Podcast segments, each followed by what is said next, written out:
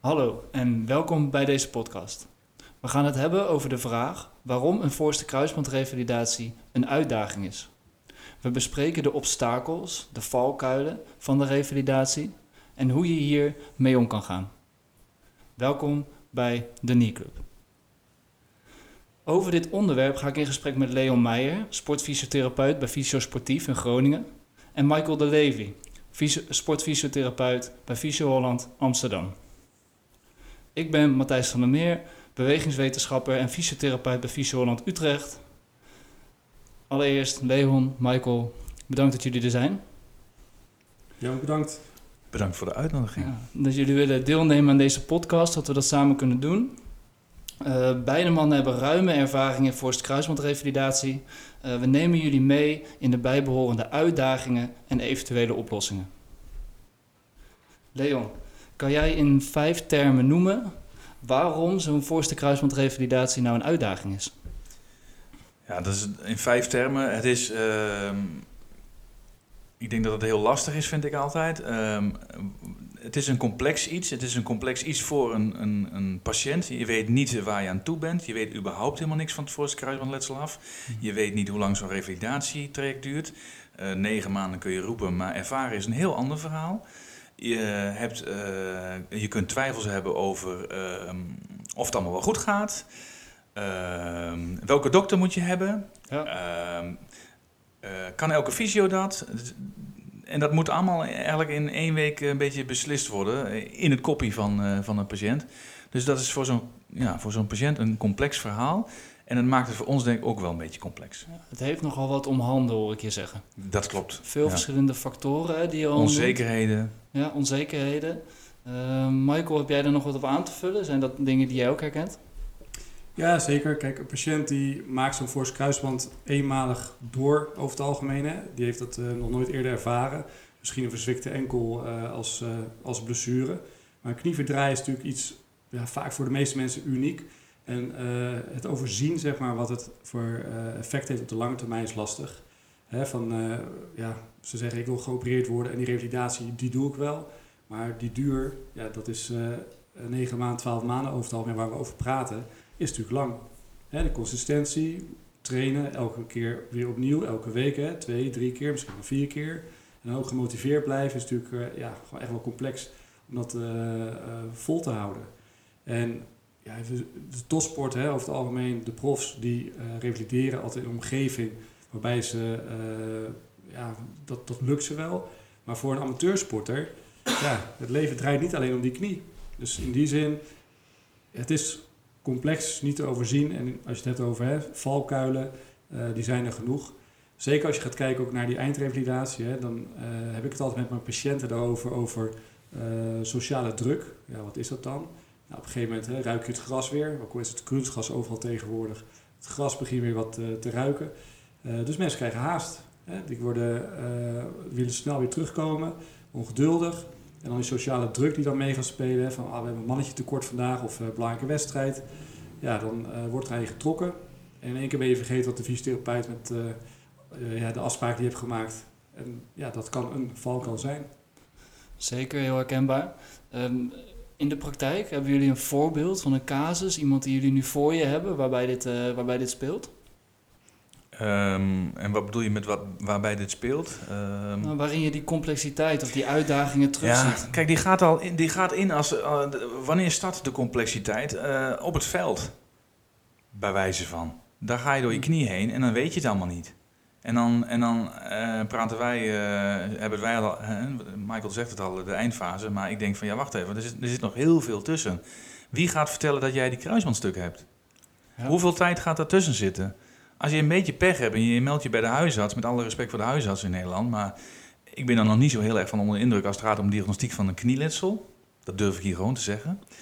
Ehm, en gelukkig sturen zij wel door. Dat is nu niet hun primaire taak. Dus eh, zij, zij, als ze slim zijn, dan eh, sturen ze naar een fysiotherapeut toe. Dan moet je weer geluk hebben dat je een goede fysiotherapeut eh, vindt die zich een beetje heeft gefocust op de knieletsels en die dat eruit haalt.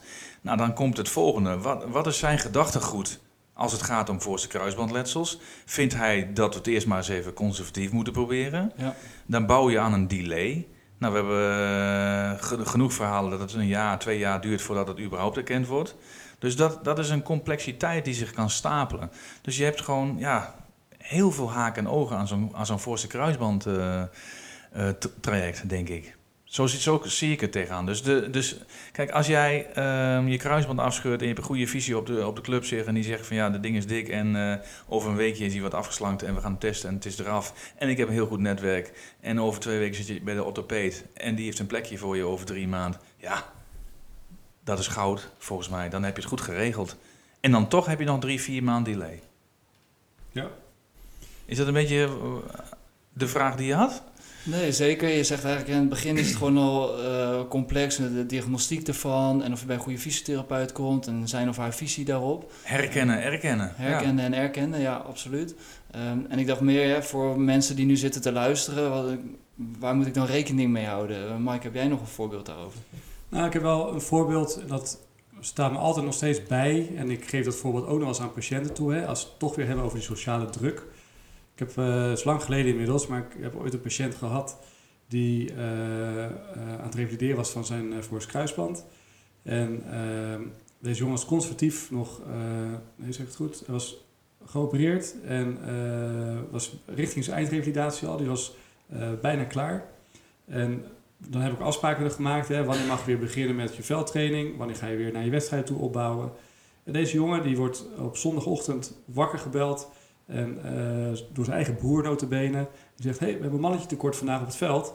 Uh, kom je nog? En uh, deze jongen die schrikt wakker, springt op zijn fiets. Die gaat naar het veld toe. En de eerste paar minuten klapt door zijn knie heen. Ehm, totaal niet bedacht van de afspraken die we hadden gemaakt over de opbouw naar sport. Uh, was één klap vergeten. Ja, het kan soms gebeuren. Ik vraag me niet hoe. dit, uh, dit, was een uh, slechte afloop helaas. Ja. Ja, ik zit even te denken of ik zo'n casus heb. Maar wat ik, de, we gaan het natuurlijk straks ook hebben denken over falen, dat soort dingetjes. Maar ik denk dat communicatie gewoon een hele grote factor is. en ik, misschien heb ik de luxe, maar bij mij duurt een revalidatie minimaal negen maanden. En zeker niet maximaal een jaar. wanneer het klaar is, is het klaar. En uh, als jij sneller wilt, prima. Maar niet bij mij. Ja. Dus dat is, dat is ook weer iets. En we gaan ons gewoon houden aan de regeltjes die we met elkaar... En dat ben ik niet die die, die regels verzinnen, maar dat, is de, dat, dat, dat, dat zijn we eigenlijk met elkaar. Dat is de orthopeet en jij en, en ja, dat ben ik. Een stukje shared decision making. Je maakt samen de, de regels voor de revalidatie. Ja, ja, en ik weet wat Michael net ook zegt van de sociale druk. Uh, ik heb ook een aantal topvolleyballers en uh, die willen snel, snel, snel, snel. Ja. ja, nee is het antwoord steeds. Dus... Uh, ja, het gaat zo snel als het gaat. Kijk, als het uh, echt goed gaat en het uh, beloop is goed, kniefunctie herstelt snel. Hè, we hanteren voor je ja, criteria voor je revalidatie. Dus als het sneller kan, dan gaan we wel sneller. Maar uh, ja, we blijven altijd goed in de gaten houden. Hè. Hoe is die knie? Hoe is de persoon? Welke omgeving moet iemand presteren? Hoe oud is die en hoe lang moet hij nog mee? Ook dubbele ja. agenda's, hè, topsport ja. zeker. Er zit een ander belang bij dan bij een amateursporter misschien wel. Dus uh, wel allemaal belangrijke factoren om mee te laten wegen hè, voor uh, het teruggaan naar sport. Nou, mooi overzicht. We zeggen eigenlijk, er zijn gewoon wat criteria en die baseren, baseren op een stukje kwalitatieve uh, revalidatie in plaats van een tijdsgebonden revalidatie. Zeker, ja.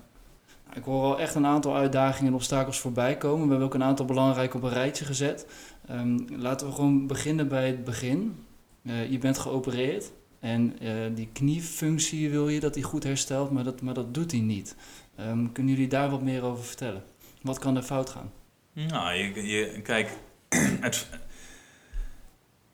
ik heb altijd het voordeel dat uh, ik meestal de patiënt gewoon van tevoren al gezien heb. Dus dan weet je eigenlijk al of het de goede kant op gaat of niet. Hè? Uh, is zo'n knie in, in uh, pre-OK al gestrekt, dan komt hij er ook waarschijnlijk gestrekt uit. Ja, want wat zijn signalen die je meeneemt, pre-operatief, voor de operatie? Uh, signalen die je meeneemt is natuurlijk dat je een goed spiercorset moet hebben. Uh, better in is better out. En die knie moet een normale functie hebben. En in flexie is dat misschien wat minder spannend dan in extensie. Als je niet een goede strekkende knie hebt en je gaat wel de OK in, ja, dan, dan is die uitkomst is altijd wat minder gunstig dan uh, wanneer die een normale kniefunctie heeft. Dus dat, dat is het. En, en ik denk als je post-OK bent en die knie komt niet op gang, Dus die, die, die blijft dik of die blijft... En dat vind ik ook weer een beetje... eh, ja, wat, wat is dik, hè? Ehm, en, en wat is erg?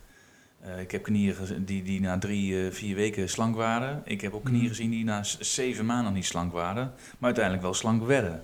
Ja. Ehm, maar ik word altijd wel een beetje zenuwachtig van knieën die na een week of zes, zeven... die nul nog niet halen van de strekking. Die Terwijl- niet helemaal gestrekt kunnen liggen eigenlijk. Klopt. Ja. Klopt. Ja, gewoon een goede kniefunctie is de basis voor je revalidatie, denk ik. Hè? Dus ik ook. Ja. voor de operatie moet het zo goed mogelijk zijn. Of perfect, als het eh, zover het kan. Ja. En eh, ja, mijn motto is, hè, treat the joint first. Als het kniegewricht goed doet wat hij eh, zou moeten doen... Ja, dan, dan komt die spiercorset vanzelf wel er weer bij. Vanzelf tussen haakjes, hè, want er wordt hard voor getraind, hard voor gewerkt. Maar eh, als die knie maar doet wat hij moet doen... dan kan je van met iemand aan de slag. En eh, dat is de basis. Ja, Die knie moet eigenlijk goed, goed functioneren om daarna goed te kunnen bewegen. Ja. Toch? Dat is zeker waar. Nou, en als die kniefunctie nou goed is, hè, dan is er natuurlijk nog veel te doen over dat spiercorset, hè, het oefenen en het eh, trainen. Ehm, waar liggen wat dat betreft de uitdagingen? Ja, er zijn een hele hoop uitdagingen in de revalidatie. Enerzijds is het de opbouw van de revalidatie. Hè. Elke fase heeft een aantal eh, accenten. Dus in eerste instantie kniefunctie herstellen. Daar ben je al een beetje bezig met het verbeteren van de spierfunctie. Eh, er zijn door toch afwijkend bewegen, eh, lopen, functioneren, ontstaan er cognitieve ja, aanpassingen. Hè. Dus soms krijg je keer een dominante hamstring, terwijl je eigenlijk een dominantere quadricepsfunctie wil hebben. Dus bepaalde spiergroepen die werken gewoon niet meer helemaal goed met elkaar samen of doen wat ze moeten doen. Dus dat coördinatief eh, vermogen tussen spiergroepen moet uiteindelijk weer goed gaan, eh, gaan worden. Die samenwerking moet verbeteren. Samenwerken moet weer herstellen. Eh, dat is toch een periode verstoord geweest. En ja, het looppatroon hè, moet weer terugkomen. Dan wordt zoveel mogelijk, zo snel mogelijk weer die symmetrie terugkrijgen. Je hebt ook weer niet alleen met die knie te maken, je hebt met de hele persoon te maken. En, eh, hè, iemand die asymmetrisch loopt, kan klachten ontwikkelen rond de heup, klachten rond de, eh, de rug. Weet je, dus symmetrie is wel iets wat ik echt zo snel mogelijk probeer na te streven, dat dat weer eh, ja, zo goed mogelijk is, zo optimaal mogelijk is. Herken je Nee, dat- dit, dit herken ik. En, en ik denk dat als je, als je een stapje nog terug doet, eh, degene die net geopereerd is, die- ik weet niet hoe, hoe vaak, je- hoe snel jullie ze na elkaar zien, maar ik meestal dag drie daarna. ongeveer. Ja, ik ook zelf. Drie, vier dagen. Ja, precies. En dat is eigenlijk ook om die musculaire sturing weer, eh, weer aan te krijgen. En dat eigenlijk is mijn standaardzin altijd van ja, we gaan nu iets doen wat je waarschijnlijk niet kunt, maar wel hebt gekund. En dat is gewoon weer aanspannen van je quadriceps. En dan, ja, dan leg ik dat me altijd uit als een soort van neurologische shock na elkaar. Eh, dat komt wel, maar dat moet eerst goed zijn. Mensen, mensen moeten eerst weer leren ja, aanspannen van spieren. Eh, en dat hoort ook een beetje bij functieherstel van zo'n van zo'n knie. Flexie, extensie is belangrijk, maar ook dit soort dingen zijn onwijs belangrijk. En dan heb ik het niet alleen over quadriceps, maar ook eigenlijk eh, het rondje knie. Alles er een beetje omheen ook. Ja, alles moet weer herstellen. Hè. De, de spierfunctiecontrole moet weer terugkomen. Ja. Ja, als je het hebt over valkuilen, eh, het wegblijven van die controle is dan een valkuil of een obstakel voor het vervolg. Gelukkig hebben we natuurlijk ook een aantal trucjes. Hè. We hebben stroom, we hebben... eh, Ja, ik, ik heb een, een heel bruut trucje. oh jee. Oh, Hey, dat- de weet, je, hoe- weet je hoe we dat op Ja. zijn Gronings doen? Nou, Dan leggen we de patiënt op de tafel neer. Eigenlijk moet ik dat niet vertellen, want dan, dan het is de goocheltruc eh, gelijk het waar. trucje wijd over. Maar ik til echt letterlijk, een, eh, ik til het been op in gestrekte toestand. Een centimeter of 30 boven de tafel. En dan zeg ik bij drie, laat ik hem los. jij maakt vrienden. Maar ze doen het wel. En ik laat hem natuurlijk niet los. Maar dan is hij in één keer is hij er. Is dat, is dat, mag dat wel of niet? Is dat, is dat, kan Ethisch dat? verantwoord. Ja, zolang je niet loslaat. Nee, ja toch of niet? Maar dat werkt wel. In een beetje stress, stress erbij, dat is altijd, eh, altijd goed. Ik probeer het wel eerst vriendelijk. Dat, eh, Ja, ja, Die spierfunctie moet letterlijk worden wakker geschud, Ja, ja. ja. hij gebruikt stroom. Ja, dat, dat, dat, ja. Ja, ik waarschuw, hè, geen stopcontact, maar gewoon Nee, nee, nee. apparaatjes ervoor. Complex. Ja. Stroom, schrik-effect. Maar, er- ik- we- maar ik maak er nu een dolletje van. Maar ehm, waar, de, de kern is gewoon waar. Ehm, dit zijn allemaal kleine toeltjes die de, die de eh, kwaliteit van de startfase van een revalidatie, denk ik, eh, eh, heel goed doen. Ja, en hebben jullie tips voor de patiënt? Wat kan hij thuis doen? Wat moet hij van de fysio verwachten? Waar moet hij nou mee beginnen? Gelijk na de operatie? Ja, wij hebben daar, omdat wij heel veel kruisbanden zien, maar ook andere knieklachten hoor. Maar hebben we, hè, als je al zoveel mensen ziet, dan word je op een gegeven moment een beetje eh, moe van jezelf om elke half uurtje iets te vertellen. Dus hebben we gewoon YouTube-filmpjes voor gemaakt. En daar zitten de oefeningen eigenlijk al in gedurende de eerste zes weekjes eh, van een revalidatie. Dat betekent niet dat die mensen daarna pas na zes weken bij ons komen. Nee, het zijn huiswerkoefeningetjes. Ja. En die kun je ook gewoon overslaan als het al goed gaat. Maar dit zijn de factoren. Dus eh, s- strekken van zo'n knie, Juist. Kuitspiertjes aanspannen, zodat de circulatie weer rondkomt. Dat zijn allemaal essentiële dingen. Ja, En ik denk, en, ja, en ik denk de, dat is eigenlijk de basis. En ik denk dat er wel veel overgeslagen wordt in dit soort dingetjes door fysiotherapeuten. Ik zie vrij veel eh, mensen eh, na dag 4, 5 al op een fiets zitten en, en dat soort dingetjes om te proberen of dat kan. Eh, wat oefeningen doen in een oefenzaal. Ja, ik vind dat persoonlijk, niet gestaafd aan wetenschap, maar ik vind het persoonlijk wat vroeg. Ja, nee, fiets ook. Ik begin meestal op zijn vroegst, eh, na 2,5 weken, drie ja, je, weken. drie weken, ja. Dus dat, eh, dat vind ik ook. Ja. Weet je, geen haast in het begin. Ik denk Je dat je niks. meer kan verliezen Ja. dan kan winnen in het begin. Accepteer de biologie, hè? het herstel, de wonden, eh, het ingroeien van die kruisband. Ja, dat is Kost primair tijd. één, kost wat tijd. Dat is primair. En ja, als het, als het gaat, kan je inderdaad stapjes maken. Maar die stappen zijn wel belangrijk. En dat komt met ervaring. Hè? Veel kruisbanden zien. Dan weet je op een gegeven moment hè, wat gaat wel, wat gaat niet. En eh, ja, zo leer je voor jezelf de benchmarks om eh, vooruit te kunnen. Ik denk nog wel één belangrijk struikelblok, denk ik, in eh, revalidatie. Dan praten we niet echt meer over het begin, zit er ook wel in het begin. Maar compensatie. Ik denk compensatie. Ik vergelijk het altijd met water. Water zoekt de makkelijkste route, de snelste route. En ook met trainen. Hè. Je hebt een sterk getraind been en een geopereerd been. Dus heel veel oefeningen zoals squatten, legpressen. Als je dingen met twee benen doet, dan zoekt het lichaam de snelste route. En dat is over het algemeen de niet aangedane kant. En ook dat is denk ik belangrijk om te herkennen. Hè. Waar zit de compensatiestrategie in oefeningetjes? Hoe kan de patiënt het zichzelf onbewust, want mensen weten het niet van zichzelf, onbewust makkelijk maken, waardoor ze eh, de oefening kunnen uitvoeren. Herken je dat niet, dan blijf je in de compensatie hangen zitten en bereik je uiteindelijk ook niet je doel wat je zou ja, moeten behalen. Dus mensen gaan aangepast bewegen en dat komt ook die symmetrie waar je het eerder over had, komt dat niet ten goede. Nee, onder andere ook voor symmetrie, maar überhaupt voor krachtsopbouw, dat lukt dan gewoon niet. Dat, eh, dat, je krijgt een nog sterker been die al sterk was en je geopereerde been, ja, die blijft gewoon achter. Helder. Ehm, dat is het begin van de revalidatie. Hè? Mensen stappen ook wel eens met, met, met andere verwachtingen, met wisselende verwachtingen de revalidatie in.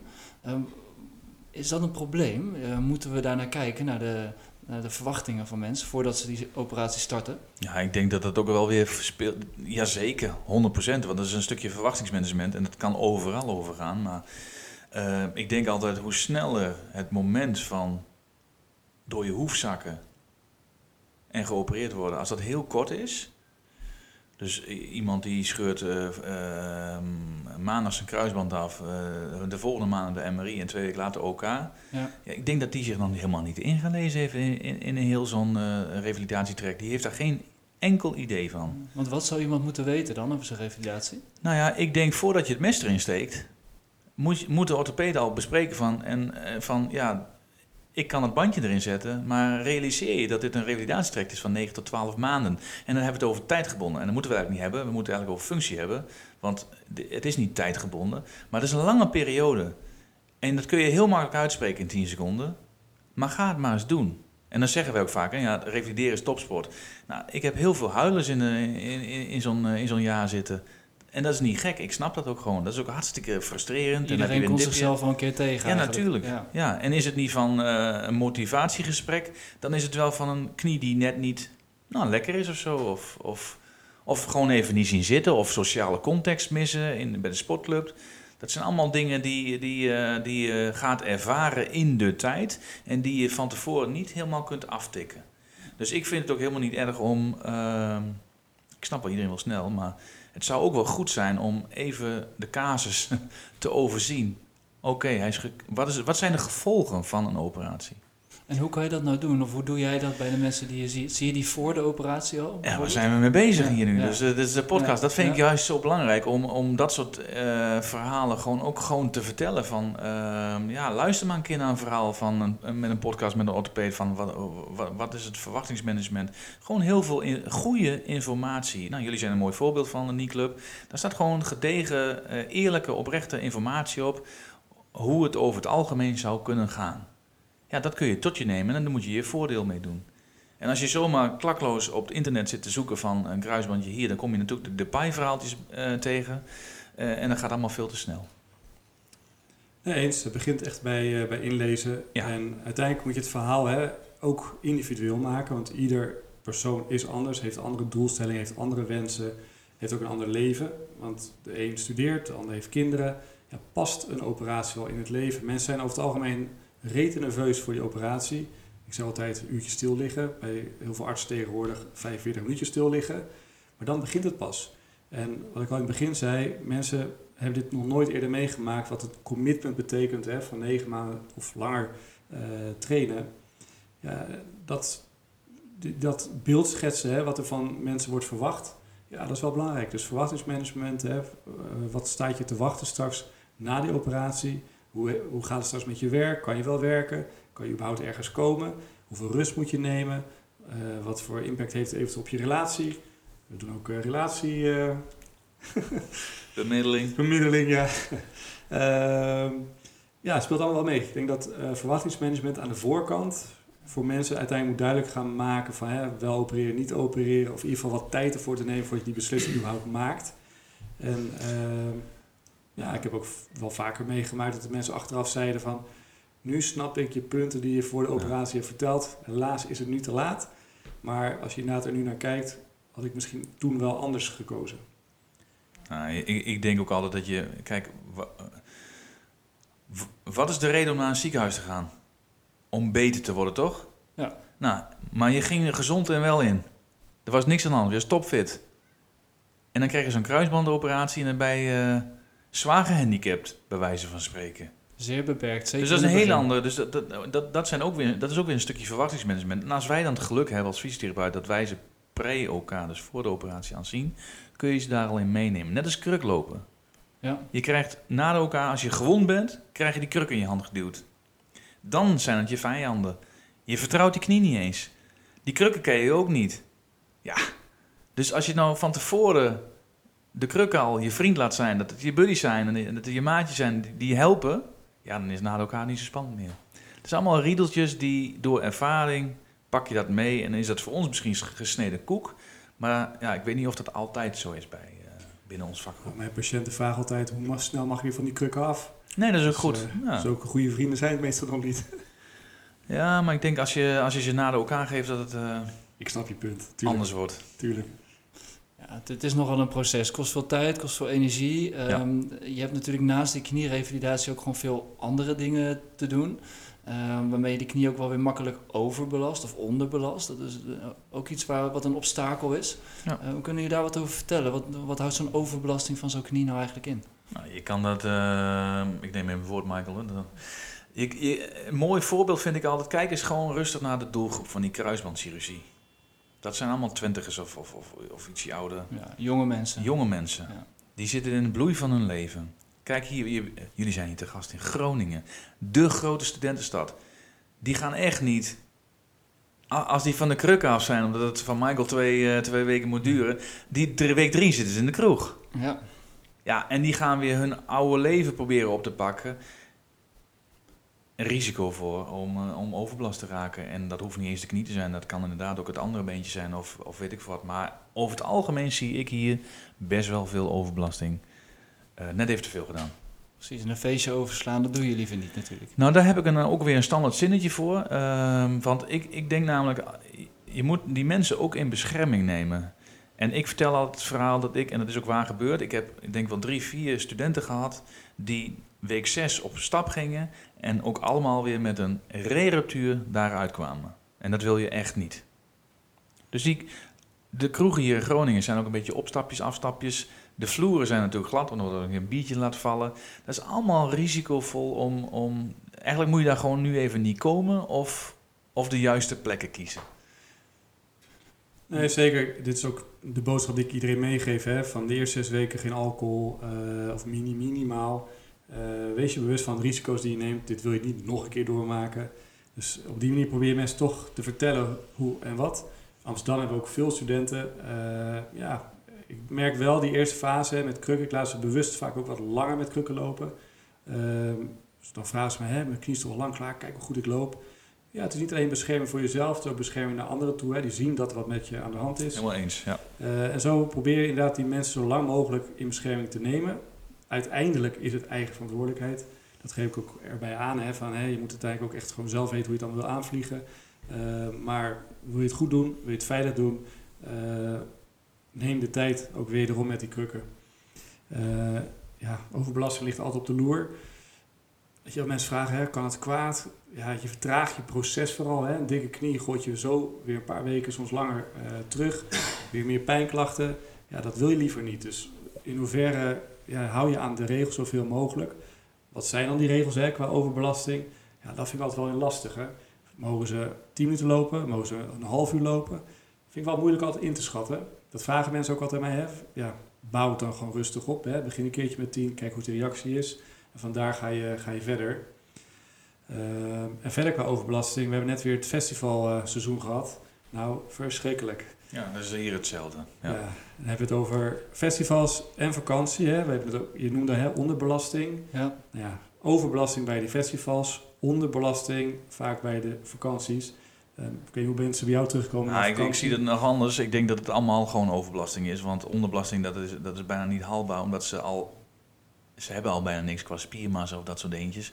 Dus het is eigenlijk altijd te veel voor die knie. Het is al snel te veel. Het is al heel snel te veel. Ja, ja hoe ik onderbelasting zelf zie, zeg maar, je, je bent twee of drie keer in de week aan het trainen, aan het ja, Je doet niks meer. Ja. Je doet niks meer. En uh, je lichaam is in die zin heel reversibel. Hè? Als je maar even de, niet meer die prikkel hebt, dan gooit hij meteen de spierkracht die je hebt opgebouwd meteen weer overboord. Ja, mensen hebben meteen weer meer pijn, meer klachten, uh, moeten daarvan weer herstellen. Uh, dat merk ik wel hoor, als je het hebt over onderbelasting. Van, ja, je moet gewoon bijhouden wat je die weken daarvoor ook hebt gedaan. Je zakt genadeloos weer terug. Ja, moet je weer vanaf twee, drie stappen terug weer opnieuw gaan opbouwen. Vaak toch weer met pijnklachten, gevoeligheid. Uh, mensen zeggen het vaak in het begin, het zal wel meevallen, het overkomt mij niet, hè. ik train wel wat. Maar je haalt niet die intensiteit en de, de frequentie over het algemeen die je bij ons als fysiotherapeut haalt. En ja, je zakt gewoon wat terug. Is het erg? Niet per se. Het kost je gewoon weer wat meer weken tijd om weer op niveau te komen van voor je vakantie. Ja, het is echt wel moeilijk om die consequenties te overzien. Wat voor impact het maakt. en ik hoor al feestjes, festivals, uh, maar ik heb een kantoorbaan, spreek ik voor iemand anders. Um, kan ik dan gewoon alweer uh, fulltime werken direct na die operatie? Want nou, doe ik toch zittend of liggend op de bank? Ehm, lukt toch wel? Ja, dat is de what doesn't kill you makes you stronger. So, um, maar een kantoorbaan, ja, natuurlijk, waarom zou dat niet kunnen? Um, alleen als jij uh, week uh, twee uh, op kantoor gaat zitten met je pootje naar beneden, in zo'n, we hebben het over minimale chirurgie, maar het is best wel een OK, dus daar gebeurt best wel iets in.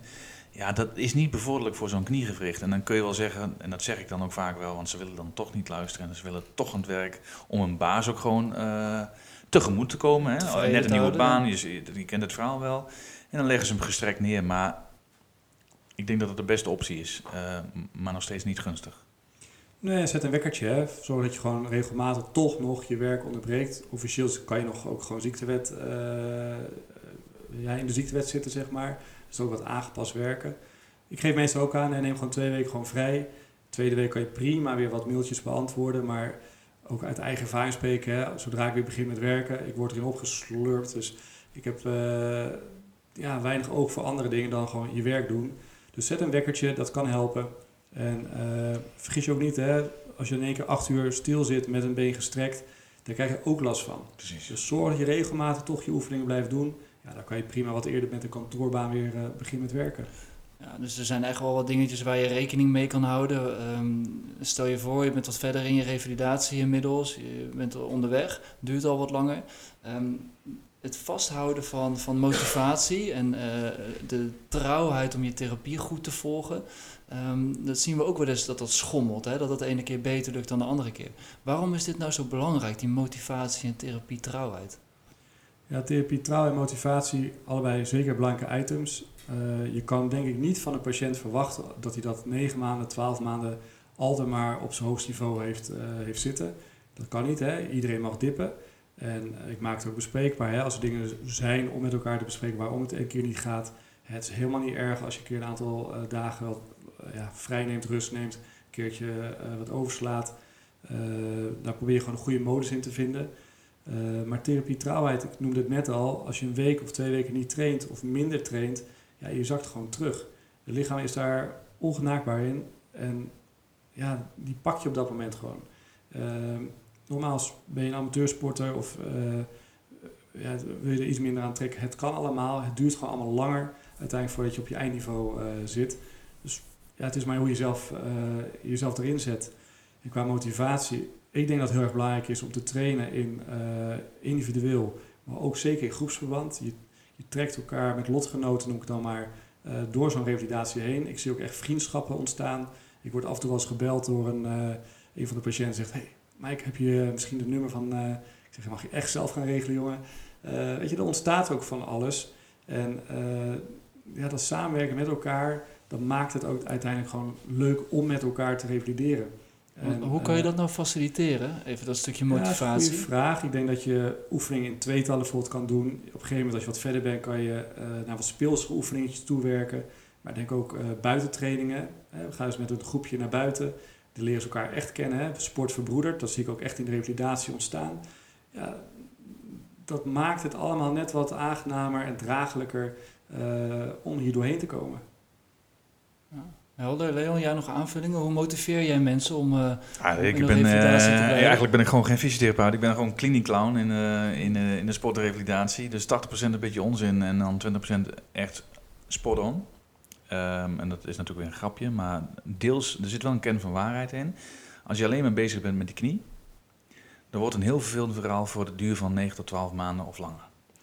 Dus ik denk dat het belangrijk is om en dat is dan mijn verhaal. Ik, elke zes weken is er een volledig uh, nieuw schema. Ja. Dat houdt ook mensen gemotiveerd, want ik hoor ook wel verhalen dat ze al een half jaar trainen op drie keer 15 herhalingen. Nou, je kent het verhaal wel, wat zo vaak genoemd in onze vakgroep. Mm dus dat steeds wisselen. Um, inderdaad, wat Michael ook zegt, uh, één op, ik vind het gewoon essentieel belangrijk dat ik zie uh, wat er gebeurt. En dat geeft ook vertrouwen naar die patiënt van ja, hij zit op mijn huid. Ik ben iemand die op de huid zit van iemand. En ook in een groepje, want dan krijg je juist van, hé, hey, ik heb koppijn in mijn knie. Heb ik ook gehad. Drie maanden was het over. Van dat soort dingen. En dat zorgt gewoon voor inderdaad een binding. Mensen gaan elkaar ook missen, zeg maar, uh, als ze een week niet uh, komen. Uh, ik geef mensen ook wel eens een week uh, vrij af. Ik denk namelijk dat dat geen enkele kwaad kan. Sterker nog, ik denk dat je er sterker uitkomt. Want het gaat niet alleen maar om de fysiek, maar ook om de mentale ja, gemoedstoestand. En uh, als jij uh, elke week. ik denk niet dat het goed is. Ik denk dat je ook af en toe daar even van af moet stappen en even ontspannen moet doen. En dan pak je hem later gewoon weer op. Uh, je moet ook een beetje plezier maken in je revalidatie. Ja, juist. Zeggen. Dat het ook een, een leuk moment is om te trainen. En, ja. Je gebruikt bijna mijn woorden. Ik zeg altijd van ja, als ik maar een leuke dag heb gehad, dan hebben zij het ook. Dus dat is, dat is wel een beetje het idee. En, uh, en ik denk dat je heel goed zorg moet dragen voor meetmomenten. Want daar zitten mensen ook op te wachten. Kijk, als jij de hele tijd uh, die lekpres doet, ik verzin het nu hoor, en je ziet dat je elke uh, vier weken 2,5 kilogram omhoog komt, dat is leuk voor de eerste 4, 5, 6 keer. Maar daarna denk je van, ja, waar gaat het naartoe dan, weet je? Ja. Dus uh, je testbatterij, wat eigenlijk passend is bij forse kruisbandrevalidatie, uh, is ook voor hun een, een moment om naartoe te leven eigenlijk. Ja, en die moet je een stuk of vier, vijf, zes hebben per, eh, per eh, traject, denk ik ongeveer. En het kan het lopenanalyse zijn die je doet. Na, wij beginnen na drie maanden met, uh, met hardlopen. Um, en dan heb je natuurlijk de hoptest en sidebacks, alles soort dingetjes. Dat zijn echt eventjes ja. ook weer van die terugkommomenten van... oké, het is goed, het is goed. En nu weer verder. En wat, je, wat ik vaak zie is dat het in het begin nog wel een beetje zo'n beetje zo'n speels kwartiertje wordt, uh, zeg maar de eerste zes maandjes. En dan in één keer denk je, zes maanden, dan gaan we nu richting sportervaring. Focus on. En dan gaan, zie, zie je een soort van curve omhoog, dat ze in één keer extreem hun best gaan doen. Nee, ik dus zie ook wel een heldere doelen stellen, even met, aan gekoppeld aan evaluatiemomenten of gekoppeld aan activiteiten die ja, ze je moet, doen, je moet meten. Ja. ja. je moet meten. Ja, zeker die kracht meten. Hè? Je zei het al, hè? Cybex, even voor de duidelijkheid. eh, of Biodex, hè? er zijn eh, bepaalde manieren om kracht te meten. Natuurlijk heel fijn als jij weet, hè? ik ben dus die lekpress aan het doen, ik heb op een gegeven moment zoveel eh, gewicht. Dat je ook kan kijken, hè? voldoe ik aan normen? Eh, zit ik überhaupt op een eh, verbetering ten opzichte van de vorige meting? Het maakt de revalidatie best wel inzichtelijk en toegankelijk over eh, ja, waar je staat. En kan soms net voor diegene een schop onder de kont zijn om even wat harder aan het werk te gaan, net even wat harder te blijven trainen om eh, ja, resultaat te maken. Ja, maar ook waar je, waar je staat, want dat weet je gewoon niet. Je moet toch iets, eh, iets, iets tastbaars hebben. Je moet iets tastbaars hebben en je Ja. moet eigenlijk als bruggetje ook, je moet eh, eigenlijk vertrouwen houden in het beloop van je revalidatie. Ja, 95% scoren en hoger is taart. Toch? Heerlijk. Sowieso daar. En wat calorieën weer Dan toevoegen. rollen we naar huis in plaats van rennen we naar huis. Ja. En hoe zorg je nou dat het vertrouwen goed is? Hè? Dat het vertrouwen van de patiënt in zijn revalidatieproces een belangrijke factor. Eh, wat, eh, Mike, wat, wat, wat bedoelen we daarmee? Ja, vertrouwen is belangrijk. Ik denk dat een patiënt vertrouwen in jou als zorgprofessional heeft als, je, als hij merkt hè, dat je eh, kennis van zaken hebt. Dat, dat hij gehoord voelt. Hè, dat hij weet hè, als er een probleem is dat hij dan bij je terecht kan. Dat je dan ook daar een verklaring voor hebt. Ehm, ja, ik denk dat dat een belangrijk onderdeel is van vertrouwen. Ehm, heb jij nog andere toevoegingen? Eh, nee, ik denk dat je. Ja, wat ik vaak hoor is van ja, ik, ik, ben, ik heb gerevideerd, maar ik heb er niet goed gevoel bij. Ja. En eh, wij nemen wel eens trajecten over. Dat, zal, dat zal iedereen, er zullen ook wel trajecten van ons vandaan gaan. Dus dat moet ook niet heiliger zijn maken dan het is. Maar vaak zit hem dat vast op het niet kunnen beantwoorden van vragen. Want vertrouwen in een revalidatietraject, ja, wat, wat, wat, wat is dat voor vraag? Ik bedoel, eh, jij hebt je kruisband afgescheurd en je komt bij ons als fysiotherapeut en we hebben een specialisatie knie en we weten heel veel van die kruisband, dus dat is altijd goed. Alleen het gaat om communicatie en, en je, moet, je moet dingetjes, eh, als, nou wat Michael net zegt van, er zijn sommige vragen die, die, die, die niet opgelost kunnen worden door de patiënt zelf, zeg maar. Daar moet jij gewoon antwoord op hebben. En dat is, ja, als je dat twee, drie keer doet en je geeft een goed antwoord, dan is dat, dan is dat klaar. Je moet vertrouwen hebben in degene die het proces begeleidt. Hè? Ja, maar nog veel belangrijker, ik denk dat je. eh, ehm, ik, ik kijk ook echt diep in de ogen van degene die tegenover mij zit. En ik zeg ook wel eens tegen je, volgens mij, en dat klinkt een beetje gek, en, maar dan zeg ik van, volgens mij zijn wij niet dezelfde type. Wij, wij hebben, we hebben misschien wel een match omdat we hier zitten, omdat jij denkt dat ik goed ben in de knie en andersom. Maar volgens mij ben jij beter af bij mijn collega die wat, weet ik veel, die wat ehm, meer heeft met zwemmen of wat- wat- En dan stel ik dat ook gewoon voor. Dat voel je op een gegeven moment. En, dat, en ik denk dat het. Waarom zou je dat niet doen? Dat geeft ook weer vertrouwen. Snap je wat ik zeg of niet? Zeker, elk mens is anders. En als eh, zorgverlener kan je natuurlijk in het aantal zaken aanpassen. Hè? Je kan natuurlijk altijd eh, iets meer naar links of naar rechts bewegen. Dat is, eh, dat is zeker mogelijk. Eh, en op die manier denk ik dat je alleen maar... Weet je, het gaat om die patiënt en die moet Juist. goed geholpen worden. Ja, En als jij niet degene bent die daar net die finesse in kan leggen... Ja, tuurlijk, dan kan altijd een collega eh, het prima overnemen. ja. Eh, zeker. Ik denk nog een ander ik denk dat die eerlijkheid echt wel heel erg belangrijk is. Ja, dat is om vertrouwensrelatie, vertrouwen ja. Dat is een vertrouwensrelatie, ja. Ik denk ook, en misschien, ik weet niet of het helemaal hierin past, maar wat ik wel als belangrijk item wat wel vind, hè, één kapitein op het schip. Het gebeurt ook vaak, hè, eh, dat zo iemand heeft een coach, heeft mensen uit de omgeving die wat, er wat van vinden. Misschien een eh, vriendje fysiotherapeut die er wat van vindt. Spreek ook af aan het begin van zo'n revalidatie. Hè. Ik ben degene die jou hierin gaat begeleiden. Ik ben de kapitein van dit schip. Eh, er zullen meerdere mensen eh mogelijk betrokken zijn bij dit herstel. Maar als er wat is, kom je altijd weer naar mij toe. Wij bepalen samen uiteindelijk welke koers we gaan varen. Eh, dat er ook gewoon één duidelijke kapitein is die, die vertelt en je aan de hand meeneemt eh, ja, hoe het eruit moet gaan zien. Nou, ik, ik, ik, gebruik, ik doe dat eigenlijk eh, nooit. ehm, om de dood eenvoudige reden dat ik denk van ja, ze weten toch überhaupt wel dat. eh dat je de gewoon goed. bent. Ja, Ja. toch of niet? Hè? Nee, en dan, en dan zeg ik vaak van ja, weet je, mijn revalidatietraject bestaat, bestaat altijd uit eh, de eerste zes weken eh, doe ik onwijs mijn best om dat eh, prikkelwerk van, eh, van de orthopeed eh, te beschermen. Dan ben ik een beetje de beschermheer. Daarna word ik de algemeen fysiotherapeut, want dan moet je weer normaal werken en eh, lopen en fietsen en dat soort dingetjes. En daarna, dan komen we richting die kapitein. Daarna word ik de sportfysiotherapeut. En dan hoop ik in het laatste traject, als we het hebben over hoogbreedte sport, topsport, dan hoop ik dat de fysieke trainer of de trainer jou op komt halen. Het gaat niet om kapitein, want dat gaat niet om wie de baas is, maar dat hij mij gaat helpen. hey, ik vind dat heel goed gaat. Dat klopt, Leon, maar ik, hij beweegt toch echt nog wel anders dan dat hij, terwijl ik dat niet zie. En dan heb je volgens mij een hele mooie geoliede machine. Ik heb dat nu met een bokser. Ik zie hem wel bewegen. Maar eigenlijk wil ik gewoon weten van die trainer waar hij al jaren mee van beweegt hij zoals hij hoort, beweegt, hoort te Beweegt hij bewegen. weer zoals Ja. voor die operatie. En dan maakt het mij niet uit wie de kapitein is. Ik zeg gewoon van dit gaan we doen. En jij moet kijken, klopt dat een beetje? Ja, en dat is ook weer een stukje vertrouwen. Want je geeft iets uit hand. Kijk, je moet heel goed weten waar je, wat, je, wat je kan. Maar je moet nog veel beter weten wat je absoluut niet moet gaan doen. En dan heb je andere mensen nodig. En daarom is het belangrijk, vind ik altijd in, in revalidatietrajecten zoals deze. Je moet mensen om je heen hebben die, die, die in- in je netwerk die, die een, een power hebben. Een orthopeed kan opereren. Een sportpsycholoog die, die matcht met jou, die kan je helpen. Je kunt een vraagstelling doen, insteken. Een fysieke trainer bij die boksen, die snapt ook hoe het zit. En het gaat niet om mij, het gaat niet om hem, het gaat om die patiënt. En als je dat cirkeltje rond kunt hebben, ja, dan heb je van mij een machtig mooi traject, joh. Ja, je moet Ja. de cirkel met zorgverleners moet je rond hebben. Ja, Goeie mensen hoeven niet allemaal bij betrokken Ja. te zijn. Soms kun je ook wegduwen van nu Ja. niet. Ja. Maar ze moeten wel tot beschikking zijn. En wij zijn maar één van die pionnetjes die daar omheen staan. Alleen we hebben wel één nadeel. Wij zien die mensen vaak twee, drie keer per week. Dus als er wat is, zijn wij ook nog eens een beetje de case managers. Dus wij moeten ook dingen bij elkaar gaan brengen. Ja, ik ben het helemaal met je eens. Hè. Kijk, als je kapitein eh, beschouwt, je bent een speel in het net. Hè. De een heeft meer ervaring in dat eh, laatste stukje, zeker met topsport, professionele sport. Hè, die performance trainers, zeker op dat moment inschakelen. Maar dat hele traject daarvoor heb je wel met iemand drie keer per week, misschien wel vier, vijf keer per week getraind, geoefend.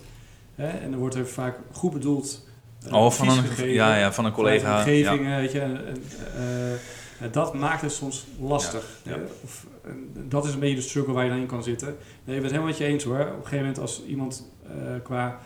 eh, ja, ik het even qua... eh, hoe zou je het noemen? Eh, Ja, jij bent gewoon de baas. En zij moeten gewoon luisteren. Dus ja, ik denk dat dat gewoon... eh, dat dat gewoon eh, ja, ik, ik, ik, Helder. Ja, ik denk nog... Ik, nog Ik kan me dat ook wel voorstellen wat Michael zegt. Want ik heb dat ook wel eens een keer gehad. Dat, dat, dat toevallig eh, thuis even een, een fysio erbij kwam. En die zei van, eh, ja, je loopt toch niet helemaal lekker. Ja, daar gaan we weer. Weet je? Dus eh, naar wie ga je luisteren? Naar mij of naar hem? ja, nee, dat is wat je dat, bedoelt. dat is het verhaal, zeker. Ja, ja dat, volgens mij kunnen we daarmee afronden. Er is nog één punt wat ik over vertrouwen wil zeggen. Dat is het vertrouwen wat een patiënt heeft in zijn eigen knie. Dus eh, voelt hij goed? eh, of, of komt er een stukje bewegingsangst? Ik durf niet meer. Eh, dat zijn ook, ik durf niet te springen. Of ik, ik mag alweer rennen. Oh, dat, dat kan ik nog niet, dat durf ik nog niet. Dat zijn ook wel dingen die je moet tackelen. Een stukje exposure. Hebben jullie daar trucjes voor? Hoe, hoe pakken jullie dat aan? Ja, ik, ben, ik heb dat vandaag nog gedaan. En ik denk, ze gaat deze podcast ook luisteren. Ehm zij moest voor het eerst springen vandaag. Ja, dat is altijd een drempel. 30 centimeter boxje. En dan ga ik er gewoon bij staan. En dan zeg ik gewoon van, nou, we gaan vandaag springen. En dan zeg ik verder niks. En dan kijken ze mij aan. En dan zeggen ze van, ja, maar je wilt echt dat ik dat doe, hè? Ja, en eerder gaan we niet naar huis. En dan gaat het ook gewoon gebeuren. En dan, ik denk dat heel veel mensen zeggen van, ja, maar dat is bijna... Er zijn ook andere, vriendelijkere manieren of dat soort dingetjes. Maar ik denk altijd van, ja, waarom zou je daar weken over doen? Goed, je laat het ook iemand pas doen als je er zelf vertrouwen in hebt Ja. dat hij dat kan, toch? Ja, Ik, eerder doe ik het niet. Nee. En dat is wel eens, eh, dat, kom- dat, dat kan soms bot overkomen. Of van, joh, eh, en soms zeg ik daar ook wel iets eh verbaals bij van... We hebben dit gedaan, we hebben dat gedaan. Hoezo kan jij nu niet springen? Er is nog nooit iemand geweest die dit niet kon. Om even die stress erop te gooien. Nou, en dan, eh, dan lukt het altijd wel. En dan zijn ze altijd van, eh, dit had ik nooit verwacht en helemaal niet in dit tempo. Ja, dan heb je toch weer eh, twee weken gewonnen. Ja, dat is overwinning. Dat is zeker belangrijk. Dat zijn mooie, dat zijn mooie punten om te doen. Ehm, even een ander punt. Hè. De, de route naar succes is geen strakke route, eh, nogal een wisselend beloop. Ehm, kunnen we in het kort eens opnoemen wat een paar ehm, grote tegenslagen kunnen zijn binnen zo'n revalidatie, waardoor die soms wat vertraging oploopt? Ja, ik denk dat zijn er een aantal. Ehm, nummer 1 is natuurlijk hè, eh, nieuw letsel. Dat kan altijd gebeuren. Hè. We trainen hard, we trainen intensief. En eh, waar gesport wordt, ja, kan het ook niet altijd eh, goed gaan, helaas. Dat is denk ik één. Ja, we zijn ook maar mensen. Hè. We hebben niet alleen die knie, we hebben ook gewoon een leven. Live events, hè. Eh, ziekte, relaties, eh, verhuizen, studie. Er zijn tal aan, eh, aan mogelijkheden daarvoor. Ehm, ja, heb je nog aanvullingen? Nee, ik ben helemaal eens met wat je zegt. Dat zijn met name de, de sociale context dingetjes. Hè? Dus ehm, daar zie ik wel wat in. Dat mensen gaan verhuizen en dan een beetje de brui aangeven. eh, een vriendje, vriendinnetje uitmaken. Ook even klaar mee zijn. Ja, dat zijn eigenlijk een beetje de, de, dingetjes. Tijd, energie en het haalt de focus weg van de revalidatie. van Ja, of studentenclub. Ja, hè? Dus eh, dat ze lid zijn van zo'n Ja. club en dan moeten ze zich melden op, eh, op bepaalde tijdstippen. Dat past dan net niet in de, in de, in de, hoe heet het, in de, in het systeem van de fysiotherapie. Ja. Ehm, ja, en wanneer. En ik denk inderdaad wat Michael zegt. Kijk, ehm, soms heb je ook hernieuwd letsel. Ja, dat kan ook gebeuren. Ja. En, men- en dan heb je het vaak over meniscusletsel. Ja. Heel belangrijk denk ik, geef het ook ruimte, geef het ook tijd, maak het vooral bespreekbaar hè, als er dingen zijn. Want op een gegeven moment zie je ook aan je patiënt van hè, er is wat, eh wil niet per se vertellen, maar toch ook proberen, hè, dat is die vertrouwensrelatie waar we het eerder over hebben gehad. Het is fijn als je het met elkaar kan delen, je hoeft niet alle ins en outs te weten, maar dat er wat speelt is soms al voldoende. En op die manier kan je iemand ook weer helpen. Hè. Het is ook goed om dan te zeggen, neem dat weekje vrij wat Leon al heeft gezegd. Neem even tijd voor jezelf, pak het daarna wel weer op. Eh, geef, geef die ruimte ook aan elkaar eh, ja, voor het herstel. Maar, ik. en, en, en durf ook gewoon... te- Kijk, we hebben een knieteam van zeven mensen die zich alleen maar bezighouden met knieën. Dus, en ik heb soms ook wel eens dan... eh, eh, je had het net over zo'n sprongetje. Dat gaat natuurlijk niet 100% goed. Nee. Dat gaat ook wel eens een keer, drie, vier keer, dat het niet lukt. Ja, daar blijf ik niet te lang mee doorsukken. Dan laat ik het gewoon een keer... eh, dan eh, zeg ik tegen Malle van... eh, probeer jij dat eens met haar. Dat is toch helemaal niet erg? Ik bedoel, wij kunnen allemaal heel veel, maar we kunnen niet alles. Dus als we daar met elkaar gewoon... Je hebt soms bepaalde tools nodig en die heb ik dan niet. En die heeft zij dan bijvoorbeeld wel. Nou, dan maken we daar dankbaar gebruik van. Ja, zo zet je elkaars kwaliteiten in. Ja, want ik denk als je alleen maar met... Als ik, als ik de enige ben die die knieën moet zien... Dat, dat, dat klopt gewoon niet. Ik bedoel, als je honderd mensen hebt... Dat, kan toch, dat zou toch statistisch gezien nooit kunnen. Dus je moet altijd wel een beetje, een beetje variatie en ruimte hebben. Ja. Ja. Ander tegenslag hè, terug naar sport. Return to play. Ja, weet je, het is ook helaas, hè, cijfers laten het ook zien, niet altijd haalbaar. Er kunnen heel veel factoren in meespelen. Ik denk ook dat dat belangrijk is om, eh, om te herkennen. Eh, ook weer bespreekbaar maken. Hè. Het is niet iedereen altijd, eh, het is gewoon niet altijd mogelijk om terug te gaan keren naar sport. Ook weer met eventueel risico die je dan neemt. Eh, ik bespreek het altijd bij mensen. Als er, als dingen tegen zitten in de revalidatie, maak het open. Eh, en mensen staan ook wel open voor het advies. Ik had gisteren toevallig ook een gesprek met een patiënt uitgelegd waarom ik denk van hè, toch een kwetsbare knie na zo'n letsel en sportervatting.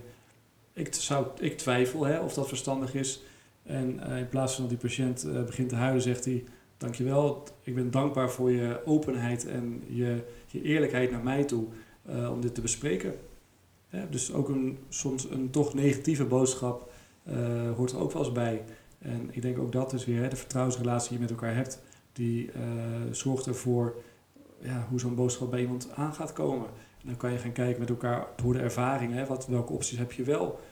Dus niet alleen maar in negativiteit gaan denken, hè, maar wat, als iets niet kan, dan kunnen andere dingen weer wel. Nou, maak dat met elkaar eens bespreekbaar ook weer en ga kijken naar die opties.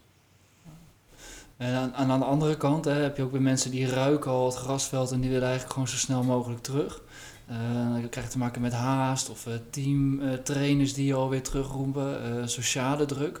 Eh, dat zijn nog twee valkuilen waar je aan het einde van je revalidatie makkelijk eh, intrapt. Misschien moeten we het vooral kort hebben over hoe kan je je daar nou tegen wapenen. Moet je, moet je, Ja, ik denk, ik heb er ook wel trucjes voor, want als ik, als, ik heb geen witte jas aan natuurlijk.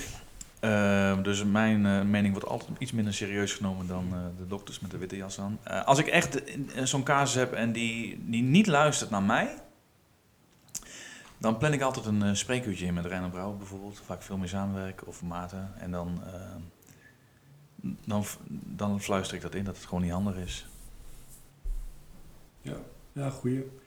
Kijk, net als ehm, eh, wat jij net zegt, Michael, met, met return to play en dat het soms een hand, of dat wel lukt of niet lukt. Dit, dit is een primaire ehm, vraagstuk die de orthopeed eigenlijk met de patiënt al moet bespreken. Want die gaat een nieuwe voorste kruisband erin zetten met een bepaalde eh, uitkomst. Wa- waarom wil je die voorste kruisband? Ik wil weer de grasmat op. Oké, dit zijn de risico's. De een van de risico's is dat je het niet haalt omdat er wat tegenslagen zijn. Ja. Ja, en jij moet het nog een keer herhalen als fysiotherapeut of ik. Dus dat is twee keer, die boodschap is twee keer binnengekomen. Dus dat, dat, dat, dat, dat zit er volgens mij wel in. Ja, en die gretigheid, eh, na zes maanden weer het veld op. Ja, ik, ik doe het niet en anders neem ik afscheid. Zo simpel is het gewoon. Dat wil ik niet op mijn eh, geweten hebben. Nee. Nee. En vaak heb je ook te maken met jonge, jonge mensen. Ja, en dat begroot mij altijd wel oprecht. Dat ik denk van, ja gast, je bent 22 jaar. Jij moet nog zo lang met die knie. Doe nu even een halfjaartje rustig aan. En neem even je tijd. Laat je niet verleiden. Want ja, met alle respect, eh, waar ga je voetballen? Eh, het komt toch niet in de Telegraaf. Dus ja, ehm, Nee, maar een duidelijke boodschap zijn mensen bij gebaat Ja. in zo'n ja, situatie. en in sommige gevallen kun je er kracht bij zetten door je netwerk weer te gebruiken. Dan ga Ja. je gewoon, nou, dan kun je een heel mooi verhaal. Dan doe je eerst een Cybex-meting. Nou, dan hoop je dat daaruit komt dat er eh, nog een verschil is. Nou, dan kun je de dingen naast elkaar leggen en zeggen van, ja, kijk, dit is eigenlijk niet ideaal. Ja. Doe je een hoptest. Die filmen wij ook altijd. Want dan kun je niet alleen de getallen zien, maar je kunt ook zien hoe de beweging eh, uitziet. Kwaliteit van bewegen, ja. Ja, nou, en als hij dan al twijfelt, dan, dan zeg ik van, nou, en dan doe ook nog even de dokter erbij, wat hij daarvan vindt. En dan is het, eh, zoals jij altijd zegt, het is ook je eigen verantwoordelijkheid. Zeker eigen verantwoordelijkheid. Ja, en dan hebben we het over hè, de sociale druk. Ik geef altijd aan, hè, maak gewoon heldere, duidelijke afspraken over je opbouw. Die laatste fase van je herstel bestaat ook uit een aantal fases. Is gewoon onderdeel van je revalidatie. En vertel ook aan je coach, hè, dit is het plan, zo ziet het eruit. En zo, eh, zo bouw ik het op. Hè, heb je iemand nodig extra, dan kan je niet op mij rekenen. Ik geef meteen altijd aan, één keer vragen en nee zeggen is heel makkelijk. Twee keer vragen vanuit de coach naar jou toe en nee zeggen, gaat ook nog wel. Maar als ze nou voor een derde en een vierde en een vijfde keer komen, want dat gaat gebeuren, ja, ben je dan nog steeds in staat om gewoon nee te zeggen om weer sneller dan afgesproken te gaan sporten. En wat Leon net ook zegt, hè, neem de tijd. Ehm, ja, als jij 20 bent en je wil nog tot je 40ste blijven voetballen, dat 1,5 jaartje of die ene paar maandjes, dat maakt echt niet uit, weegt niet op tegen die jaren sportplezier die je nog gaat meemaken. Dus- Nee, en, eh, en de gevolgen. Stel dat je wel gaat, dan heb je enorm veel jaren geen plezier van bewegen. Ja, kan ook omdraaien, zeker Ja. waar. Ja, Maar een kleine positieve twist, twist nog, denk ik. Hè. We hebben het over hè, niet gaan sporten. Eh, als je gaat kijken naar de grote getallen. Ja, een groot deel komt uiteraard gewoon terug op sportniveau. Hè, we zijn gewoon in, in dit praatje gewoon streng. Hè, vooral van neem je tijd. eh, neem de tijd om terug te komen naar sport. Maar uiteindelijk, het gros van de mensen komt terug op sport. Ik denk dat het wel even een belangrijke boodschap is om wel mee te geven aan de luisteraar. Dat ze niet... eh, Het doel is om weer terug te keren naar sport. Dat lukt ook vaak. Ehm, Maar hou je aan regels en spreek dat gewoon goed af met je fysio, met je trainercoach eh en je omgeving. ja, en wees je bewust van het feit dat het gewoon een aantal uitdagingen kent. Een aantal obstakels die je tegen kan komen. En eigenlijk hebben we daarvan nu de hele, de rij, hele rijen wel eh, besproken. Dus we hopen dat dat houvast geeft.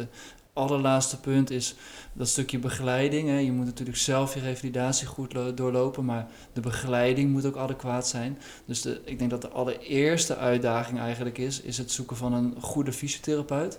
Ehm, daarmee wil ik afsluiten. Eh, hoe kom je daar nou achter of iemand een goede fysiotherapeut is? nou, dan kan ik heel makkelijk zeggen, kijk op uh, de knieclub.com, was dat hè? Ja, .com. Ja, dat doe ik jullie natuurlijk allemaal even heel goed.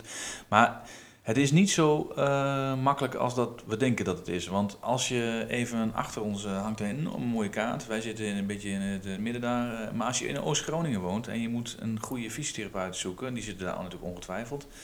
Uh, maar in een dorp is dat vaak niet zo. Maar je moet wel weer enorm veel reizen. En dan had jij net over van gezin en werk en dat soort dingetjes. Het is nogal wat, hè. Als je... Kijk, ik hoef niet al die kruisbanden te hebben. Uh, het liefst heb ik ze in de regio.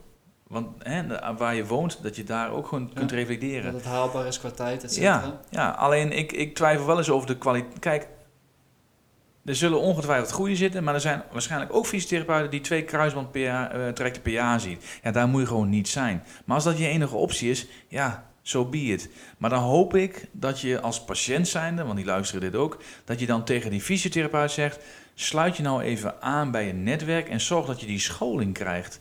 En dat is niet een cursus of weet ik veel wat, maar dat is een, een, een, een netwerk en een, een infoavondje en een keer een live surgery. En dan kom je al tot heel veel informatie uh, over zo'n kruisbandtraject. Uh, dat, ik denk dat dat een enorme meerwaarde is. Kijk, en dan hier in Groningen zijn er genoeg praktijken die enorm veel kruisbanden zien. Dat is het probleem niet. Ja, en, en gewoon goed zoeken.